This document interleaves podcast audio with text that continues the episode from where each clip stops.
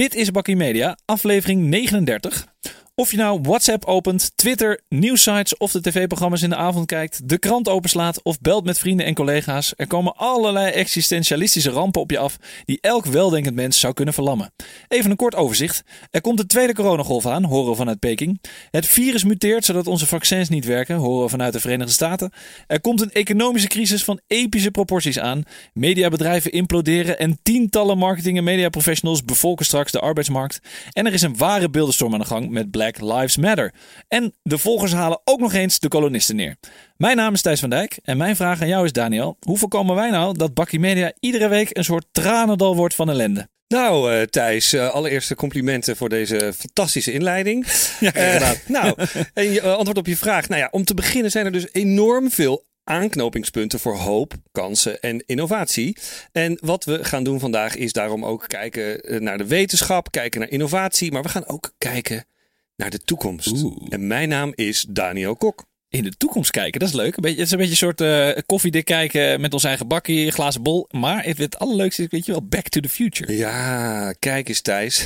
Haha, sinds onze jaren negentig film die we vorige week uh, behandelden, ben je dus eigenlijk een beetje vrijwillig uh, huiswerk gaan doen. Ja, zeker. Ja, ja, Back ja. to the Future met Marty McFly en de professor. Heel goed man. En uh, ja, goed, over Back to the Future gesproken. Wij hebben gezamenlijk op YouTube een, een, fantastisch mooi format ontdekt. Um, ja, waar ook deze film naar voren komt en wordt behandeld. Hoe zit dat uh, precies, Thijs? Nou, het, het, gaat een beetje om een soort uh, videocall filmreunie. Ook mooi in uh, deze tijd. Het is Ja. een, een, programma gemaakt door Josh Gad. ook wel bekend voor, voor de leken als stem van Olaf in Frozen. Oh. Of nou, voor de musical liefhebbers zoals ik, een van de hoofdrolspelers in Book of Mormon. Um, maar check ook de, de show notes voor een voorbeeldfilmpje. Het is, het is heel leuk gedaan. Hij heeft elke week een, een cast en crew um, van een van ja, een bekende ethisch film in een videocall bij elkaar. Volgens mij via Zoom doet hij dat. Ja.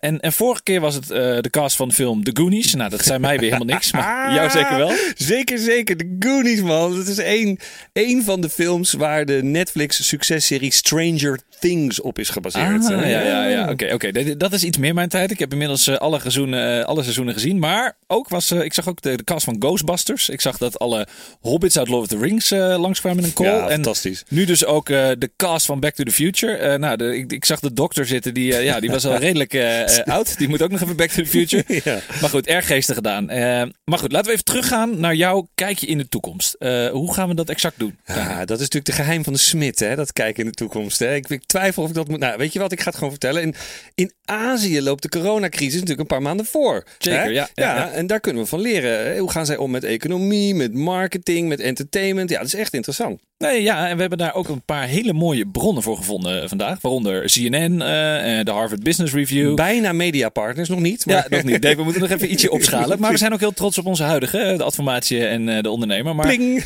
nou ja, China heeft trouwens uh, na corona weer een ander probleem. Nou ja, of het, misschien is het wel weer een terugkomend probleem. Want in Hongkong zijn ze dus weer uh, doodsbenauwd voor de grote Chinese draak. En daar zijn ze alweer weken aan het demonstreren. Het lijkt wel de nieuwe trend te zijn. Er zijn weer hele harde confrontaties met de politie.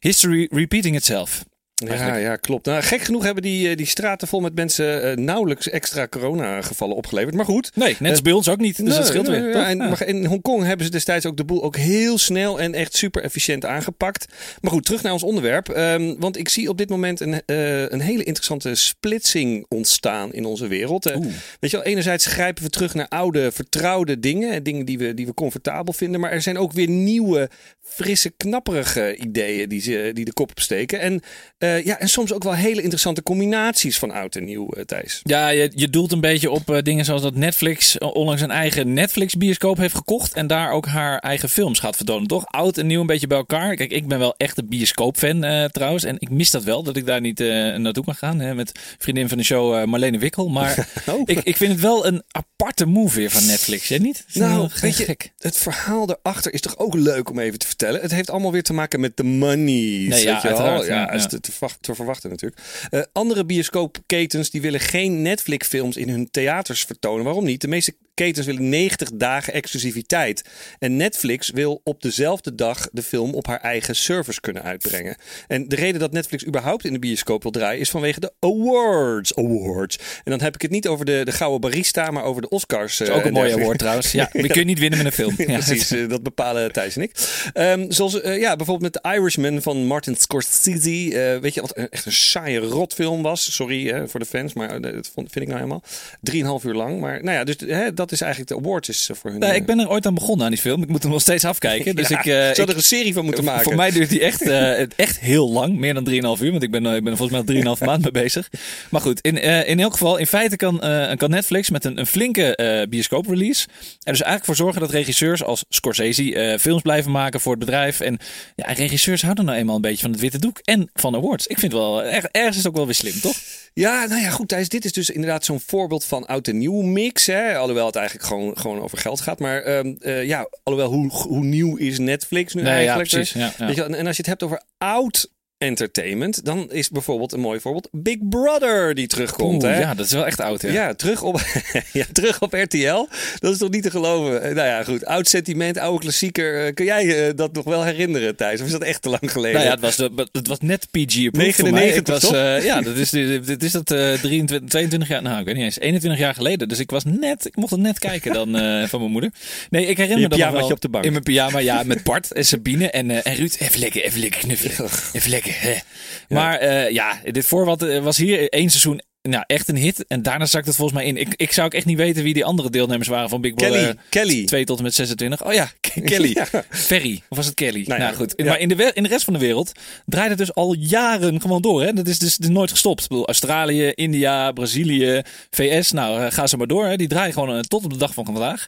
En er was dit jaar ook uh, nieuws dat in het Big Brother huis in Duitsland, vond ik wel hilarisch, dat ze half maart nog niks wisten over corona. Omdat ze natuurlijk gewoon in een soort quarantaine zaten in het huis zonder nieuws. Ja, dat lijkt me wel een blessing. Dat je gewoon niet weet dat het bestaat. Ja, trouwens, uh, onze lekker knuffelen Ruud, die zal het ook wel moeilijk hebben gehad hè, met die uh, anderhalve meter nou, zeker weten, tijd. En, ja, ja, ja. Overigens een, een kleine shout-out naar mijn, we zijn dol op taggen natuurlijk hier. mijn oud-collega Martijn Raadgever, trouwens de mooiste en meest toepasselijke naam uit de media. Want toen, ja, schitterend naam. Toen ik met hem werkte, ging ik voortdurend raad vragen aan hem. En hij is dus, ja, echt, echt, dat zei ik ook tegen hem, kom, ik heb weer wat raad nodig. Maar hij is format consultant, consultant en reist dus de wereld over om in allerlei landen, soms in India en dan weer in Chili, weet ik het wat. En dan gaat hij dus uh, advies geven over hoe ze dan daar het beste mee Mooie job, ja. En inderdaad, wat jij ook zegt, een passende achternaam ook bij zijn functie, weet je. Dat, Ja. dat is eigenlijk ook wel mooi. Misschien moeten we daar ooit ook een bakje aan wijden. Weet je wel, een mooie achternaam, een passende bij jouw functie. Kok. Eh, ja, kok.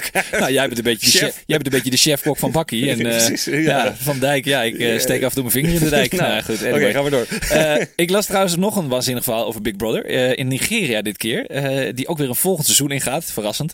Eh, dankzij de bewoners van deze editie is de vraag naar Zeeuwse aardappelvlokken enorm toegenomen. Weet je, over, elkaar, over, ja, over branded content eh, gesproken. Hier werd gek genoeg een soort typisch Nigeriaans product van gemaakt in de show. En sindsdien is dat dus niet meer aan te slepen. Ik vind het al eh nu een gevalletje van eh, program sponsoring eh, over Crossing Borders, toch? Vind je niet? Maar goed, denk jij nou, want jij bent weet je onze, onze formatkoning. Bedoel, je niet voor niks ooit een Emmy gewonnen toen ik nog een jongetje was. Pling! Ehm, maar wordt het wat met die, die Big Brother comeback, denk jij? Nee, weet je, ik, ik gun het sowieso eh, Martijn heel erg. Ehm, maar in, toen de tijd in 1999 was het kijken naar eh, OBN'ers, onbekende BN'ers, eh, die dan aten, praten, ruzie maakten, seksten met elkaar. Dat was echt een unicum.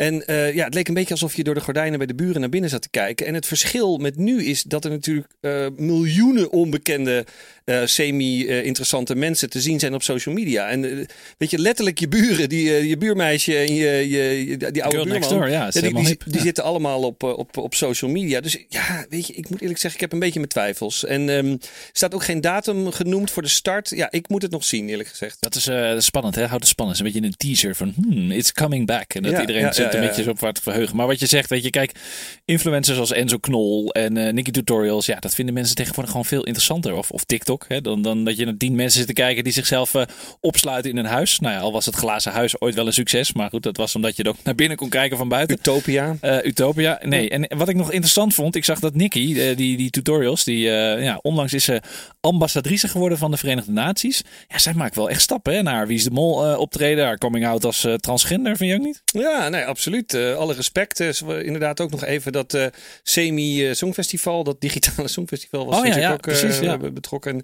even bij Ellen gezeten en zo. Daar heeft ze ook weer even een beetje uit school geklapt dat Ellen heel erg vervelend was of zo. Ik weet niet meer of die die Ja, dat is een bijzonder, bijzonder meisje. Laat maar goed, hey, we hebben het vandaag vooral dus over de toekomst. Hè? Want, maar in de jaren, nou, in de jaren 80, uh, eh, hebben we het over de toekomst en dan ga ik gelijk over de jaren 80 Back to the future is dit, hè, dames en heren. Ja, weet je, daar had je dus een, een, acteur als president hè, voor alle jonge mensen. Dus Ronald, Ronald Reagan. En op een gegeven moment had je natuurlijk de, de, de Arnold Schwarzenegger, de Terminator. Die werd de governor van Californië. Schitterend was dat, ja. Maar weet je, we hebben het net over um, Nicky Tutorials. Misschien krijgen we in Nederland in de toekomst wel een influencer als minister-president.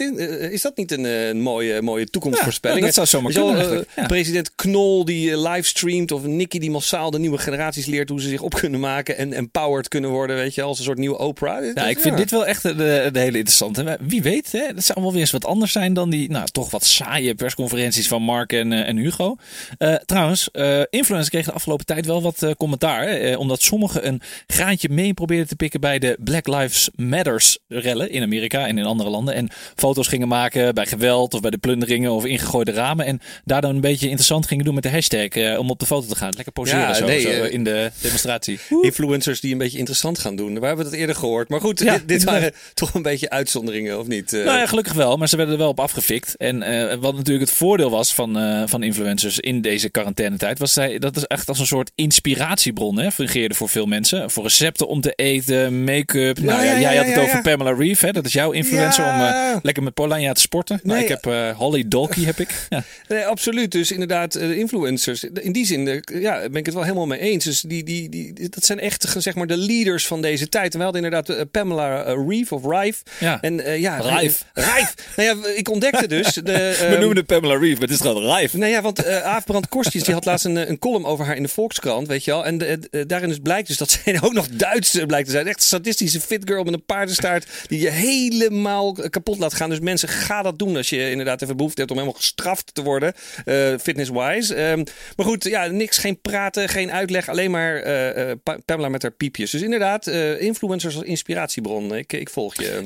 ja, ik vind het wel prima. Maar een mooi voorbeeld. Ik, ik ken Pamela ook. ik heb ook Holly. Ik vind dit trouwens niks mis met Pamela. is leuk om naar te kijken. Ja, heel aardig. Ja, en voor de rest, ja, ze, ze praat niet. is lekker nee, rustig. Precies. Maar goed, ik, ik denk wel dat de afgelopen tijd de connectie tussen de, de volgers of de fans en de influencers een, wat versterkt is. Hè. De grote vraag blijft natuurlijk wel in hoeverre influencers er in de toekomst in slagen om, om te reconnecten met merken. Hè? En mm. volgens ook, ja, want de meeste consumenten waren ja, totaal niet bezig met, met merken of ja, advertenties. En ja, hoe blijven dus die influencers van de toekomst authentiek, geloofwaardig en toch dicht bij hun kern? Of gaan ze dan allemaal uh, ambassadeur worden van de Verenigde Naties? Uh, ja, kan je ook geld mee verdienen. Toch? Ja, het gaat allemaal uiteindelijk weer over de monies. Maar ja, nou, even wat anders. Hè? In tijden van crisis kijken we tegenwoordig naar de wetenschap. En dat zeg ik niet, dat zegt Ineke Sluiter. Toekomstig Jij zou het ook kunnen zeggen trouwens hoor. Ik, ik, heb het net gezegd.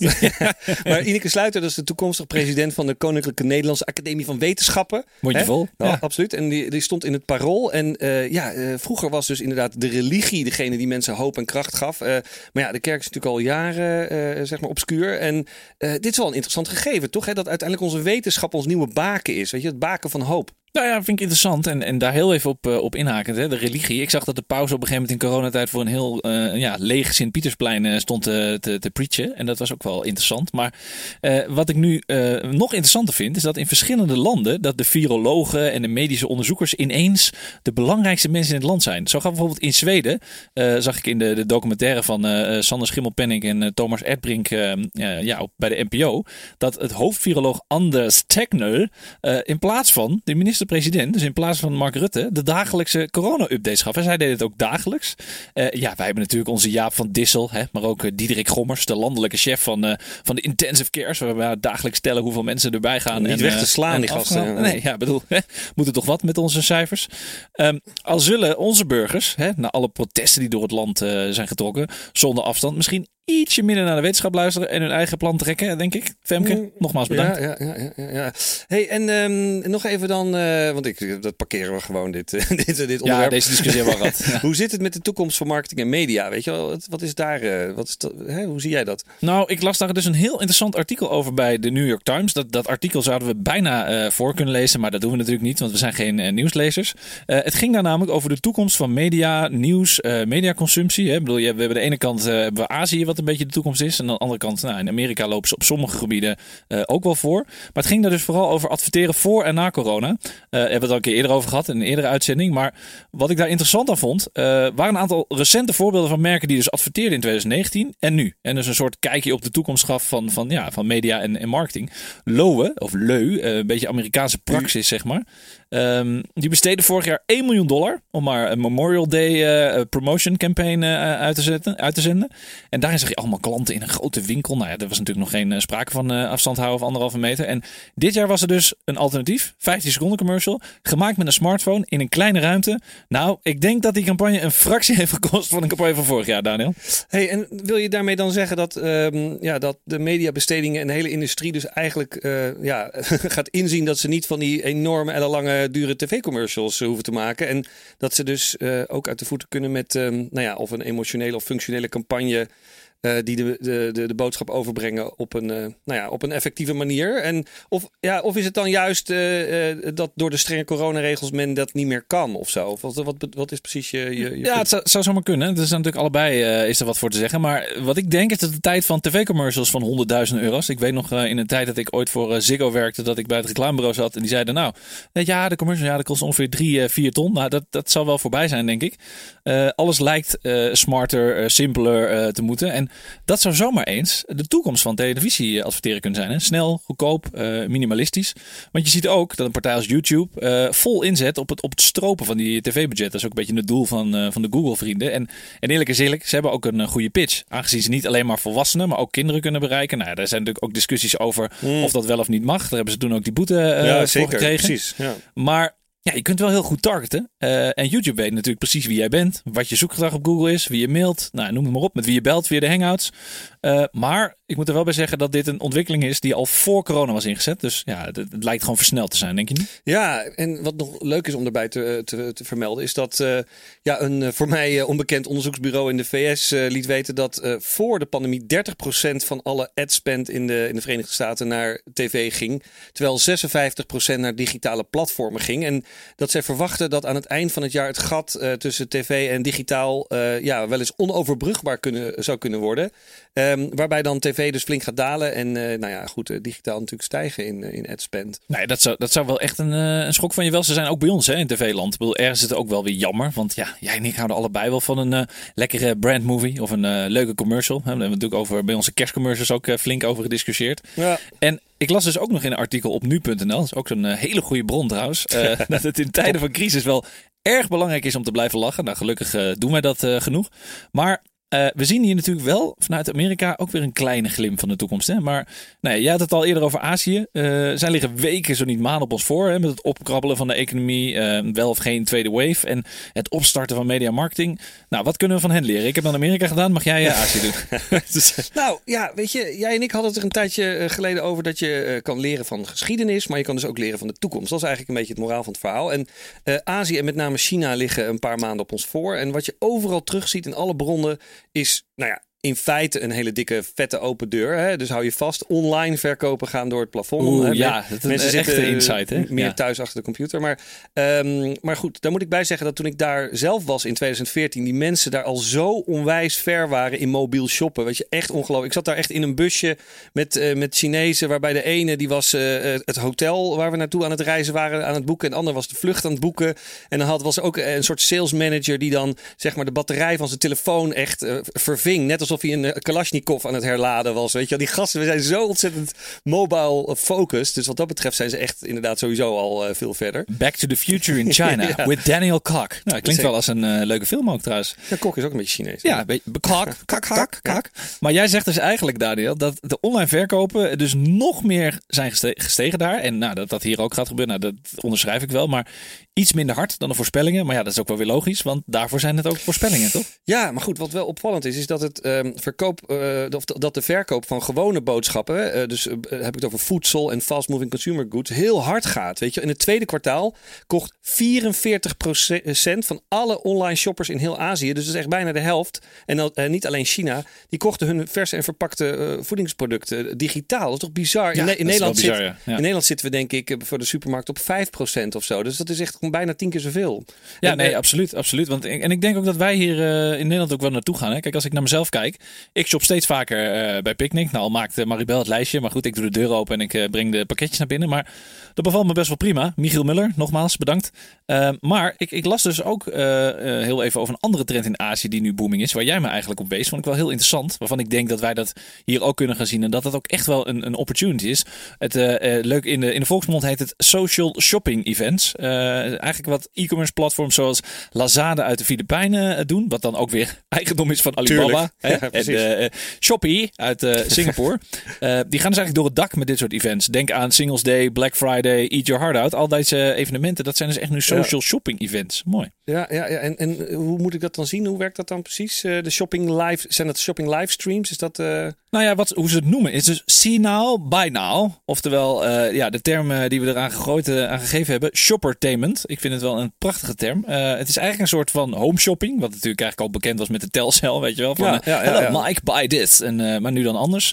Alleen het is iets meer een, een modeshow. Hè? Een beetje low budget, met allerlei internationale merken, maar ook de local Asian heroes. Users kunnen dan chatten met de verkopers, meer te weten komen over de producten. Ze kunnen in real-time vragen stellen. Hè? De- nou, ze hebben daar dan geen Instagram, maar je kunt dan in de video's kun je met elkaar in gesprek gaan voordat ze gaan kopen, eh, zonder dat ze ooit die app verlaten. Ja. Dat vind ik wel echt eh, slim bedacht. Ja, mega interessant inderdaad. En ik heb het inderdaad gezien in allerlei video's. Eh, mensen kijken dit vaak eh, ook gewoon als puur entertainment. Hè? En Ja, ja, ja. Weet je, ik bedoel, dat is veel populairder dan home shopping eh, hier. Want dat home shopping is echt dus gewoon een drie uur s'nachts. En, Ja, hier is het echt heel treurig. Ja, precies. En ehm, je bent dus inderdaad, hè, dat is natuurlijk het voordeel, one click away van een bestelling. Hè. Shop, shoppable video's is echt slim en, en effectief. Nou ja, en het zijn natuurlijk niet alleen maar de, de kleinere merkjes. Hè. Een merk als eh Procter Gamble heeft hier onlangs een nou, best wel voor hun succesvolle pilot meegedaan, eh, begreep ik.